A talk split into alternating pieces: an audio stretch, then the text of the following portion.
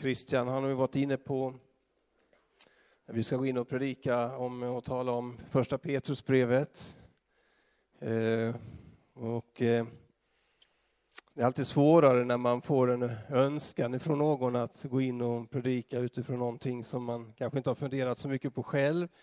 Men jag, när, när, du sa det ändå, Christian, så började jag läsa första Petrusbrevet och läste lite grann. Och när du bad mig predika så gick jag tillbaka och fortsatte läsa.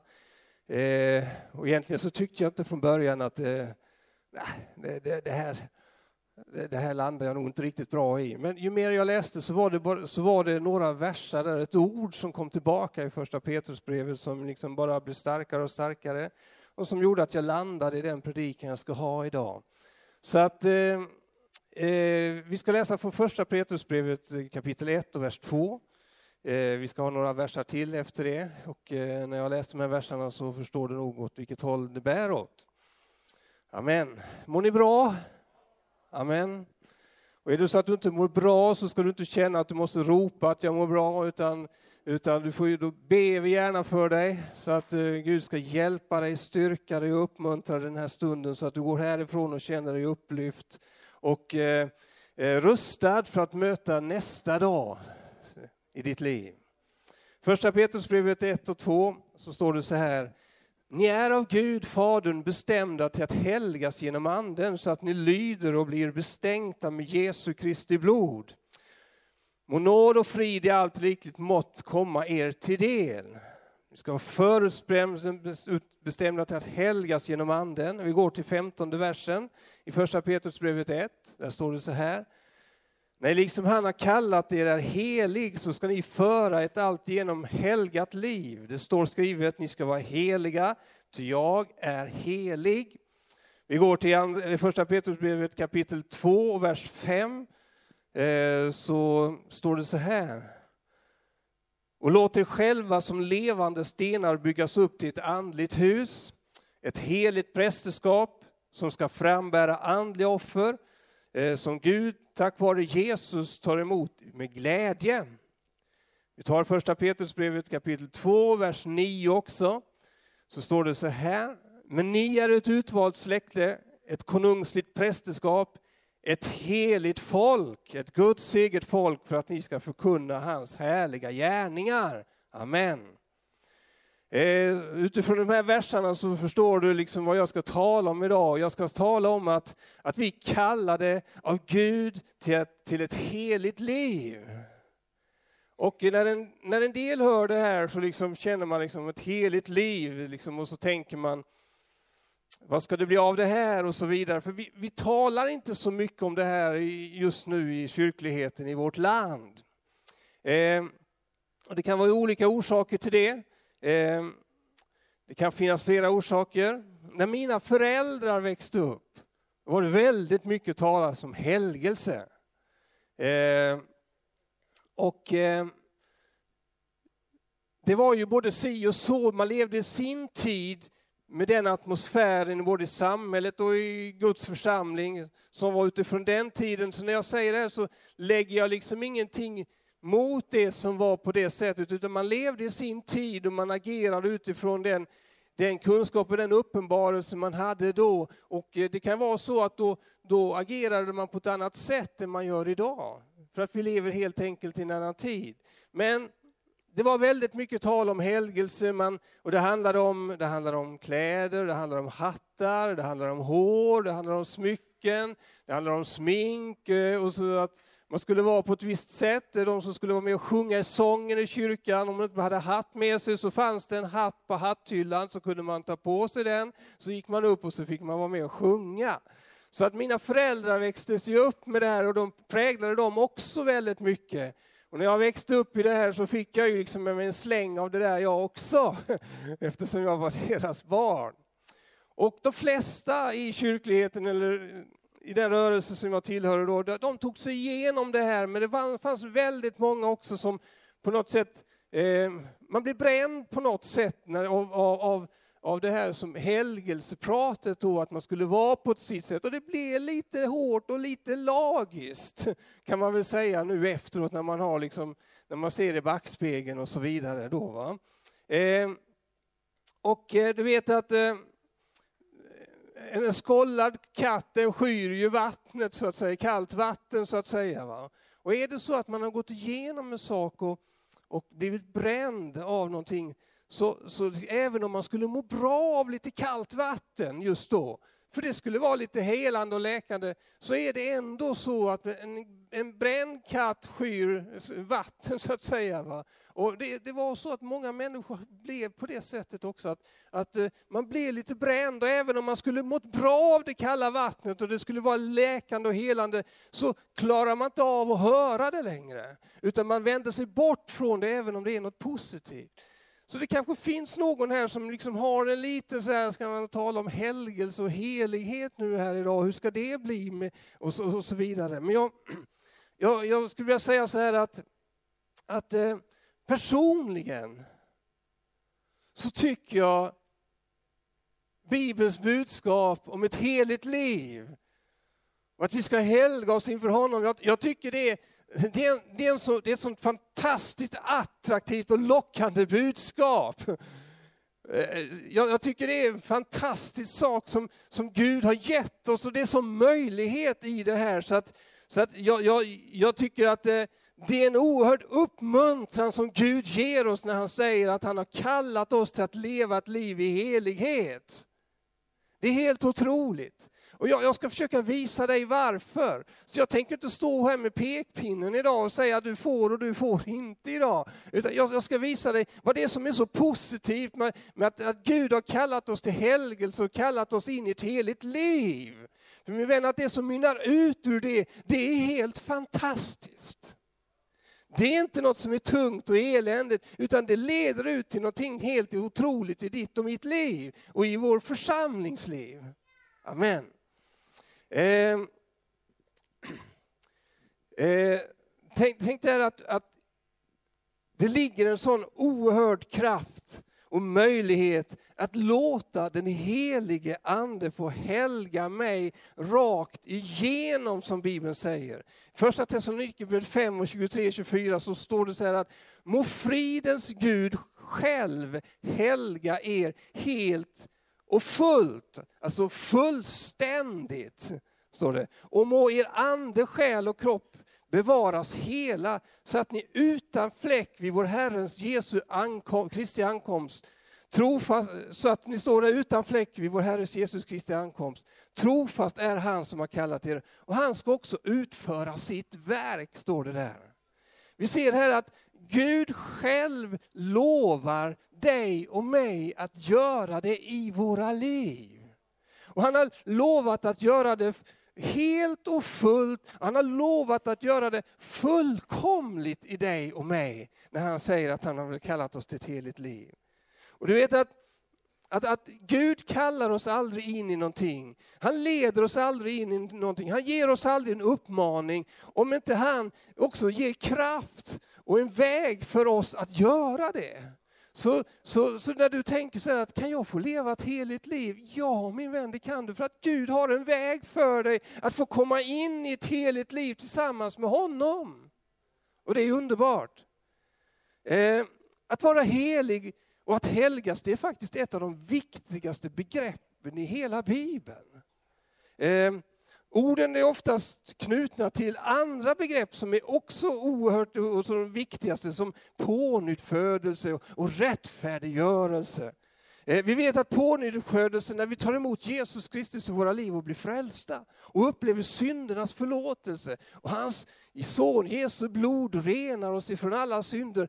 Det är liksom ett ögonblicksverk så här. Det sker ett mirakel i ditt och mitt liv och vi blir förvandlade i ett enda nu. I ett enda nu liksom så så, så, blir vi Guds barn. Vi blir renade från synden. Eh, vi blir upprättade i Kristus och får en position och ställning i Jesus. Och så vidare och så vidare. Det händer ett och vi blir rättfärdiggjorda.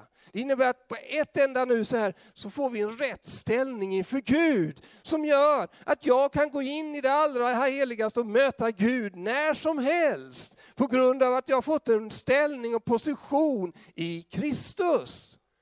Och tillsammans med detta så kommer helgelsen.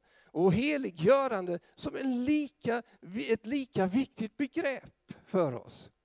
Eh, eh, helgelse är på samma gång någonting som är färdigt, eh, samtidigt som det är något som är pågående i våra liv.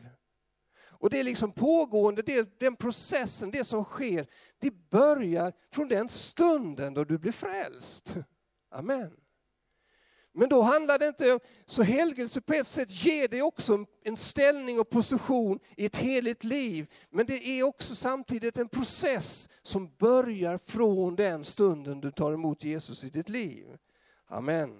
Och den, den processen och det, det heliggörandet, det fortsätter hela ditt liv igenom, ända till den stunden då Herren han kallar hem dig.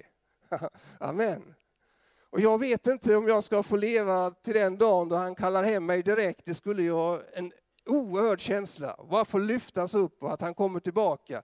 Eller om jag kommer att dö och begravas, men då kommer jag hem lika fullt på det sättet. Halleluja. Men till den dagen då han tar hem mig så kommer jag att leva i helgelse för att jag vill leva ett heligt liv tillsammans med honom. Och den här heligheten, eh, den, det, är liksom, det är någonting som måste få tränga in i, i, eh, i hela vår varelse. Eh, det måste få tränga in i hela min karaktär. Det måste få tränga in i mitt, hela mitt beteende. Det måste få tränga in i mina, alla mina olika attityder.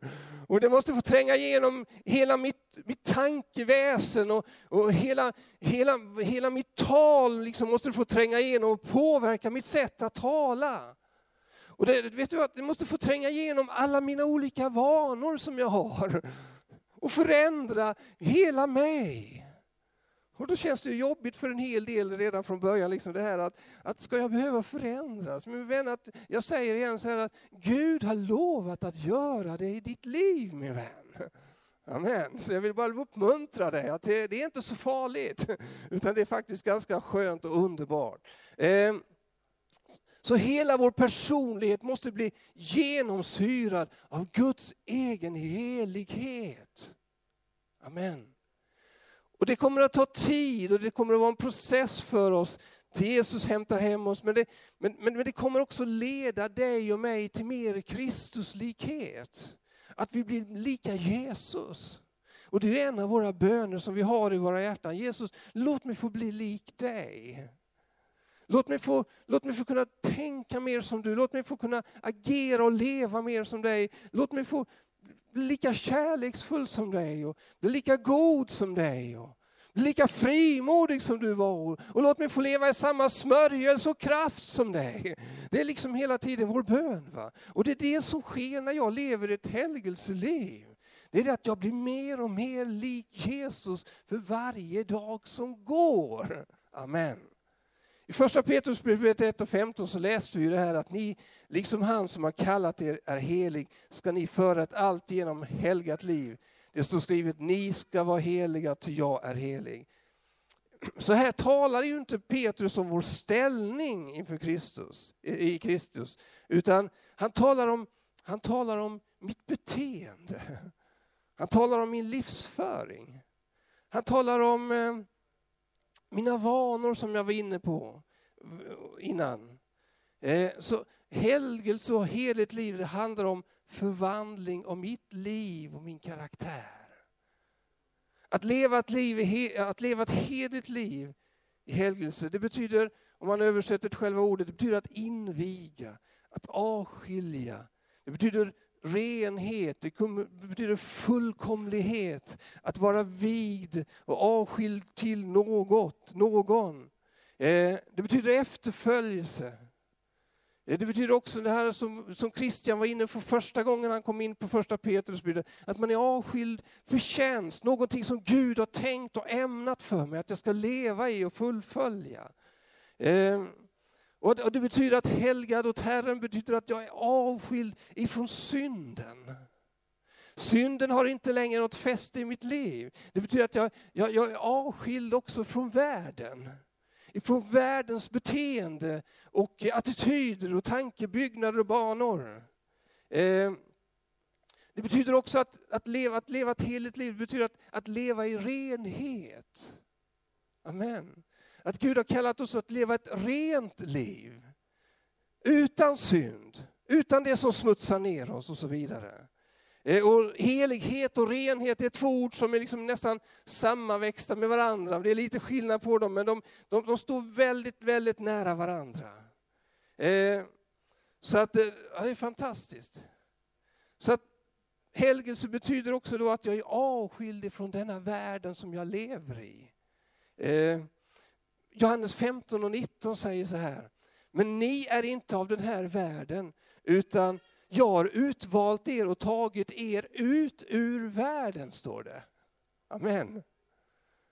Så jag, när jag tar emot Jesus och upplever hans synder förlåtelse i mitt liv och jag blir frälst, så tar han mig ut ur världen, vilket gör att jag tillhör inte denna världen, utan jag tillhör Gud med mitt liv. Men, men jag fortsätter att leva i den här världen. Det är bra, eller hur? Jag fortsätter att leva i den här världen. Jag lever fortfarande i Sverige, jag sköter fortfarande mitt arbete och så vidare. Jag träffar fortfarande alla människor, oavsett vilka de är. Och de är lika mycket värda allihopa, oavsett vad de tänker och tycker. Men jag lever fortfarande i världen, men jag är inte av denna världen. Och jag är avskild från den, vilket innebär att mitt liv ska inte längre präglas av vad den här världen står för, utan mitt liv präglas av Gud som är en helig Gud. Amen. Jesaja, det står så här, vi läste ju så här att ni ska vara heliga, ty jag är helig. Så Gud är en helig Gud. Vi läser i Jesaja eh, 6 och 3 att helig, helig, helig är Herren Sebaot och hela jorden är full av hans härlighet, står det. Amen. Så Gud är en helig Gud. Och det innebär att det finns inget orent hos Gud. Min vän. Och det, och det är det som är liksom själva kruxet också, för att på grund av att Gud är så helig, vilket innebär att han också eh, han, han, är, han är också i majestät, han är, han är liksom det går inte riktigt att förklara. Men han är så helig så det innebär att det finns inget orent i Gud och där han finns. Och det är det som gör att människan, för att människan skulle få möjlighet att få komma tillbaka till Gud, så var, så var Gud tvungen att hjälpa människan eh, att hitta en väg tillbaka till Gud. För att på grund av att människan levde i sin synd så kunde människan inte i egen kraft få kontakt med Gud. För man kunde inte själv göra upp med sin synd och sin orenhet. Och därför kom Jesus till jorden.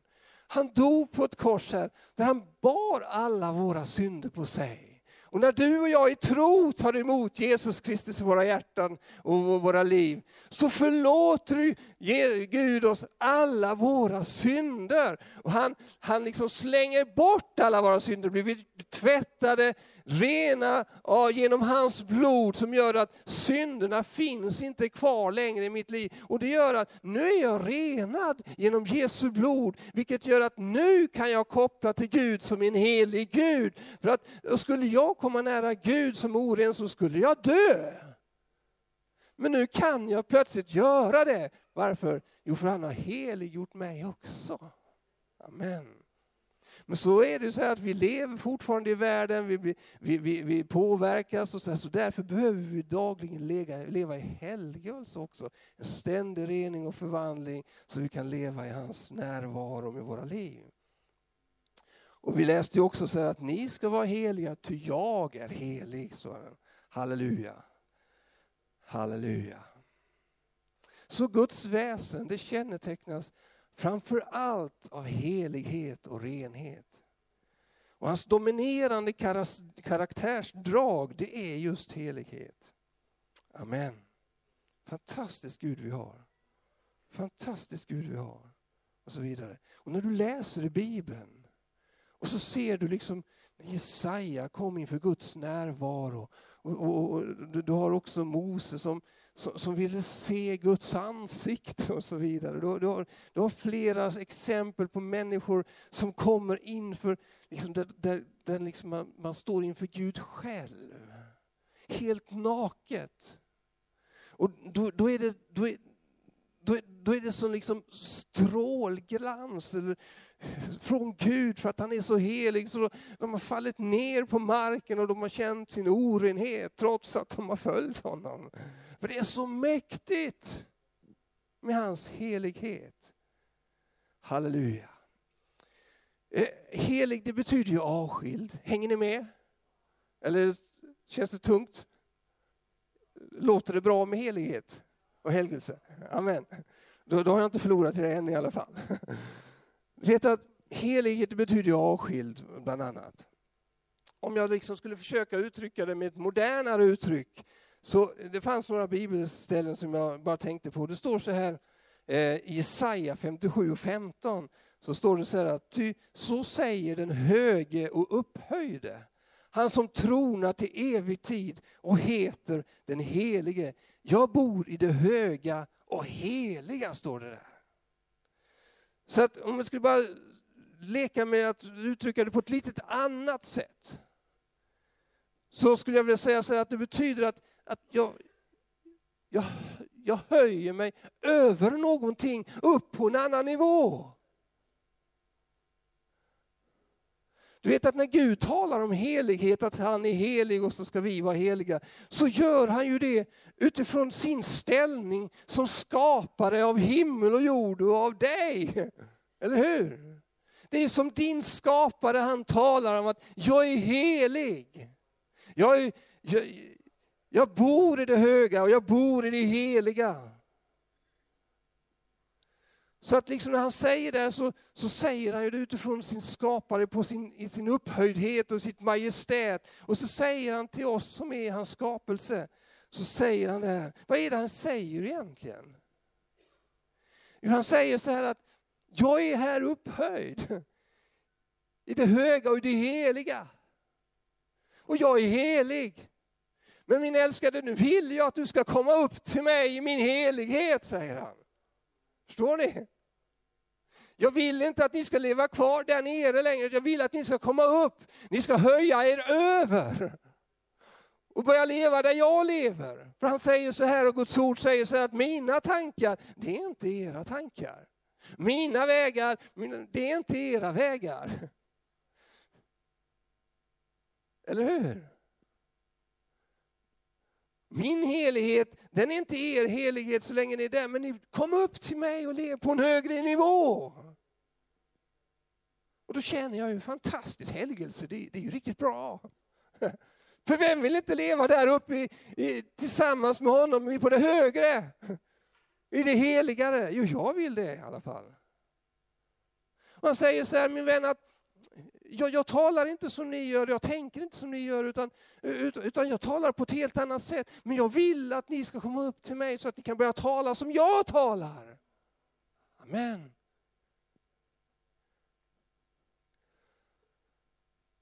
Så kom upp till min nivå min vän och börja leva på mitt sätt att leva. Kom upp, eh, kom upp till min, min nivå av att tala. Kom upp till min nivå av att leva. Kom upp, eh, kom upp och börja leva som jag gör. Min vän, liksom, bli inte kvar där nere bland kalkonen, kalkonerna utan kom upp till mig och gör som moder säger att jag vill att ni ska börja sväva som örnen svävar upp bland vindarna. att upp på en högre nivå. För det är ju det vi kallar det till. Vi kallar det till att sväva bland örnarna. Eller hur? Läser vi i Romarbrevet 12 och 2. Anpassa er inte efter den här världen utan låt er förvandlas genom sinnets förnyelse. Så att ni kan pröva vad som är gott och fullkomligt och som behagar honom. Låt er förvandlas.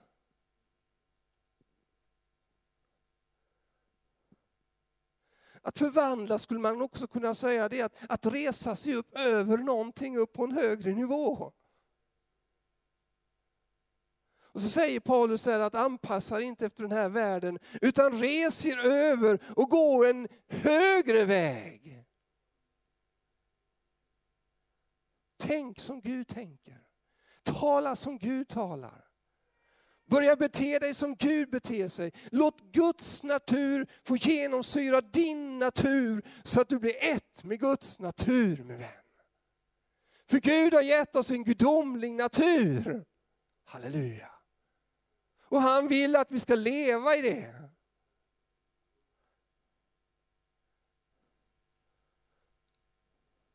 Låt Guds natur få genomsyra dig så, så att det påverkar varenda liten cell i hela din kropp, så att du blir lik honom.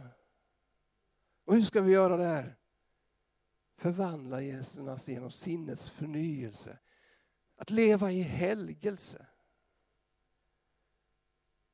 Efesierbrevet 4, 22-23 säger så här att ni har lämnat ert förra liv och lagt, den gamla människa, och lagt av den gamla människan som går under. Bedragen av sina begär. Och ni förnyas till ande och sinne, står det. Ni har iklätt er den nya människan som är skapad till likhet med Gud i sann rättfärdighet och helighet. Amen. Halleluja.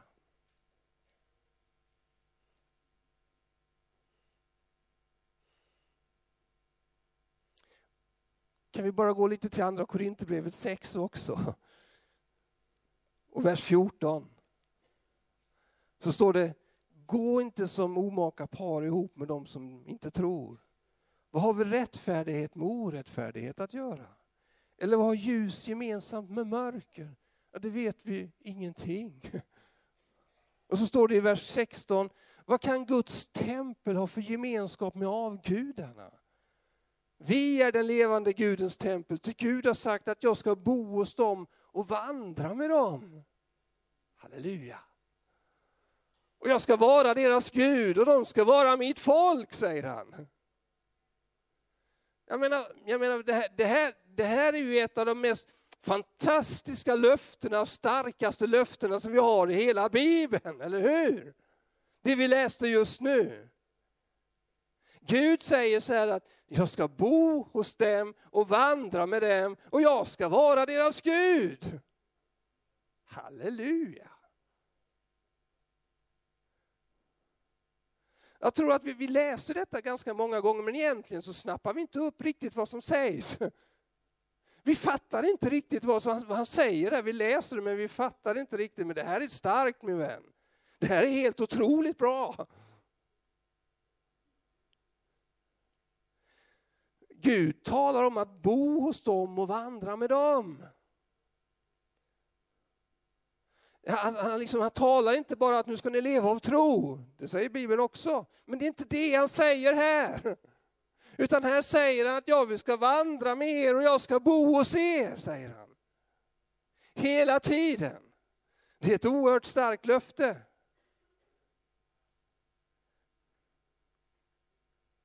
Han talar om att leva ibland oss med hela sin härlighet. Halleluja med hela sin helighet. Det är det han gör. Du vet att Mose, som jag sa innan, han bad att få se Guds hela härlighet, men han kunde inte det, han fick inte det. Men du och jag har löfte om att få leva i det, det han inte kunde få leva i Gamla Testamentet. Men idag så kan du och jag få leva i Guds närvaro, ansikte med ansikte med Gud. Halleluja. Vi menar att från första början när Adam och Eva levde i Guds närvaro så gick man tillsammans med honom där i lustgården. Det måste varit fantastiskt, eller hur?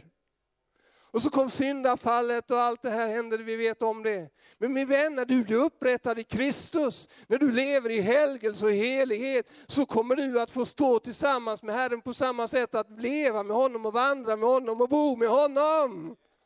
Ansikte med ansikte. Är det inte fantastiskt? Ah, här, här, här, här är bra, halleluja. Och säger halleluja. Eller amen. Alltså hela syftet med att Gud skapade människan är ju just detta. Att leva i Guds närvaro. Det var ju det han menade. Gud skapade inte Adam och Eva för att de skulle göra någon världsvid eh, helande evangelisation eller någonting sånt här. Han hade inget emot det. Utan det skulle kommit senare troligtvis. Men eh, det var inte därför, utan hela syftet med att han skapade dig och mig var att han ville leva i intim gemenskap med dig och mig och vara hos oss, vandra med oss och bo hos oss. Det är hela syftet min vän. Och sen idag så leder det naturligtvis till tjänst för honom. Han har kallelse för dig där du ska gå ut och göra det han har tänkt med ditt liv min vän. Men syftet var gemenskap med Gud och leva i hans närvaro. Så min vän, helgelse handlar om att få komma in i Guds närvaro med sitt liv. Och Det är därför jag menar så här att plocka inte bort helgelseförkunnelsen i ditt liv. För att helgelseförkunnelsen, att leva i helhet, det hjälper dig in i en starkare Guds närvaro i ditt liv min vän. Och det är där du ska vara, tillsammans med Gud. Han vill vandra med dig och han vill bo med dig. Underbart. Halleluja. Halleluja. Vet att Jesus, när han kom till jorden, då var ju han liksom, då personifierade ju han hela Guds helighet också. Petrus sa en gång att han säger till honom, du den helige, säger han till honom. Och Jesus han levde här från människa, men utan synd, men han levde i helighet. Gjorde han. Och Jesus var precis som dig och mig, han, han levde i världen, men han blev aldrig någon av världen. Inte en enda stund.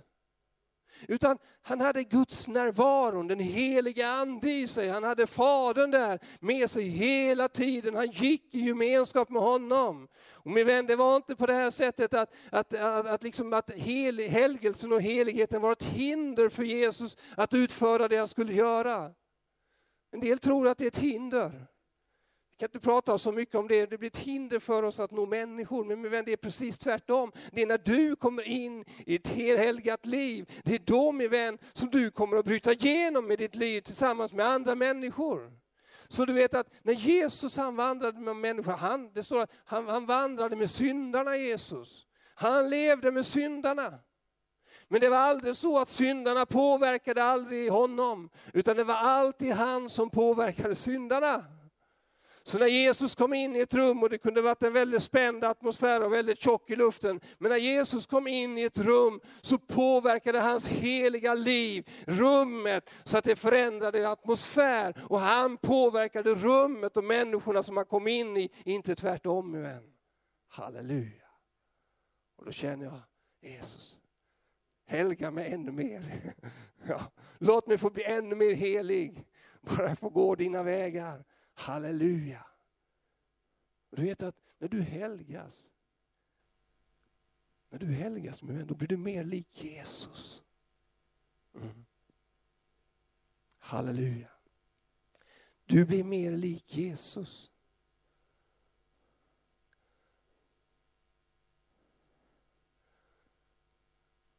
Vilket gör också att när det, när det liksom påverkar hela din varelse så kommer så kommer Jesus att mer synas i ditt liv. Vilket som kommer att göra att de som lever runt omkring dig, de kommer att börja se Jesus i dig. Och Det är starkt min vän. Och vägen dit, det har med helgelsen att göra. Det har med helgelsen att göra. Min vän. Vägen dit.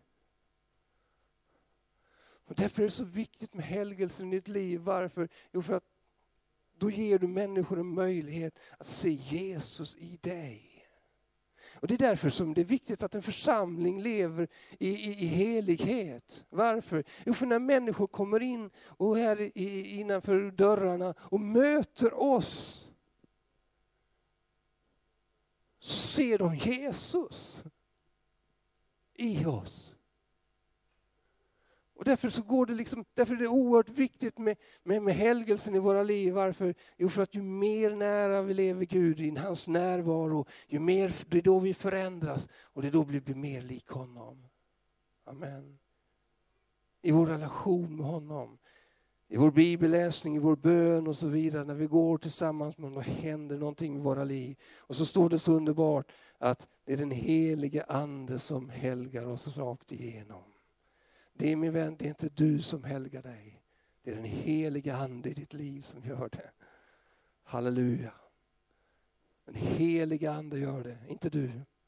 Och det är väldigt viktigt. Det blir väldigt lätt lagiskt annars, alltså vi försöker att helga oss själva. Försöker att lyfta oss i håret och nu ska jag skärpa mig, nu ska jag bli riktigt god. Så att alla andra tycker att jag är god och snäll. Det är bara det att det är ganska tröttsamt att gå så här. Va? Så efter ett tag så, så faller man ihop och så blir det inte så bra. När man försöker själv. Nu ska jag vara riktigt snäll den här veckan och kärleksfull och älska alla människor. Det går bara några dagar så ger man nästan någon på... Oftast brukar det vara så, eller hur? Men om, den, om, du, om du låter den helige Ande verka i ditt liv och ger honom utrymme i ditt liv att påverka dig. Att föra dig närmare i en djupare relation med Jesus. Att helga dig rakt igenom. Min vän, då behöver du inte göra någonting utan då sker det bara. Halleluja. För att han gör det. Har inte jag själv någon del i det? Och det står ju i brevbrevet 12 och 14, sträva efter frid med alla och efter helgelse. Så naturligtvis är det någonting vi ska sträva efter. Man kan säga så här att det är alltid den heliga Ande, det är alltid Gud som gör det. Vi har ju läst det flera gånger här nu. Det är alltid Gud som gör det. Vad är din del? Jo, det är att du ska göra dig tillgänglig för det. Du är också en del i avskiljandet där du bestämmer att ja, nu lämnar jag det här Jesus. Du får hjälpa mig, men jag lämnar det här för jag förstår att det här inte är rätt. Och sen gör han det bara. Sen gör han det bara. Halleluja. Halleluja. När jag var i 20-årsåldern så var jag ganska radikal när det gäller vissa saker. Och det var inget jag kanske känner mig jättestolt över idag, men jag, jag var ungdomspastor och, och som jag präglades lite av min uppväxt och så här, sen har Gud befriat mig från sådana där saker. man skulle ta några smycken och man skulle inte sminka sig och sådana där saker. Jag trodde det var heligt att inte ha det. Nu har det svängt, så jag tycker det är ganska tjusigt att man sminkar sig. Jag säger ofta till min fru, du får gärna sminka dig lite till.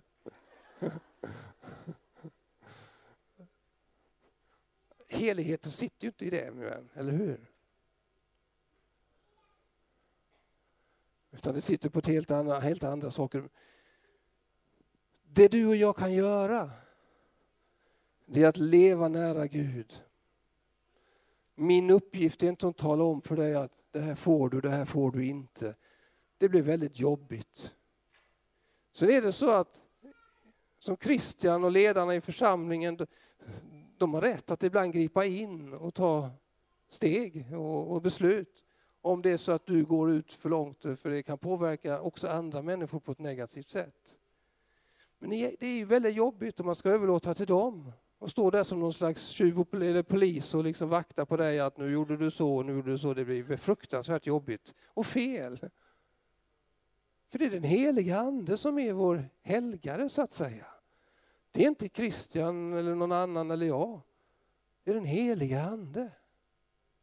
Och därför är det viktigt i min relation också att jag frågar Gud, är det någonting i mitt liv som du vill korrigera? Och det, det är det för det mesta, eller hur? Det är alltid någonting. Och ju närmare Gud man kommer så är det fler saker han pekar på. Låt den helige Ande få vara den som leder dig i helgelselivet och ta de stegen som, som Gud tycker att det är nödvändigt att du tar för din utveckling när det gäller att komma, bli Kristuslik. Låt den helige Ande få bli den som leder dig. Amen. Amen. Jag tror det räcker här. Halleluja.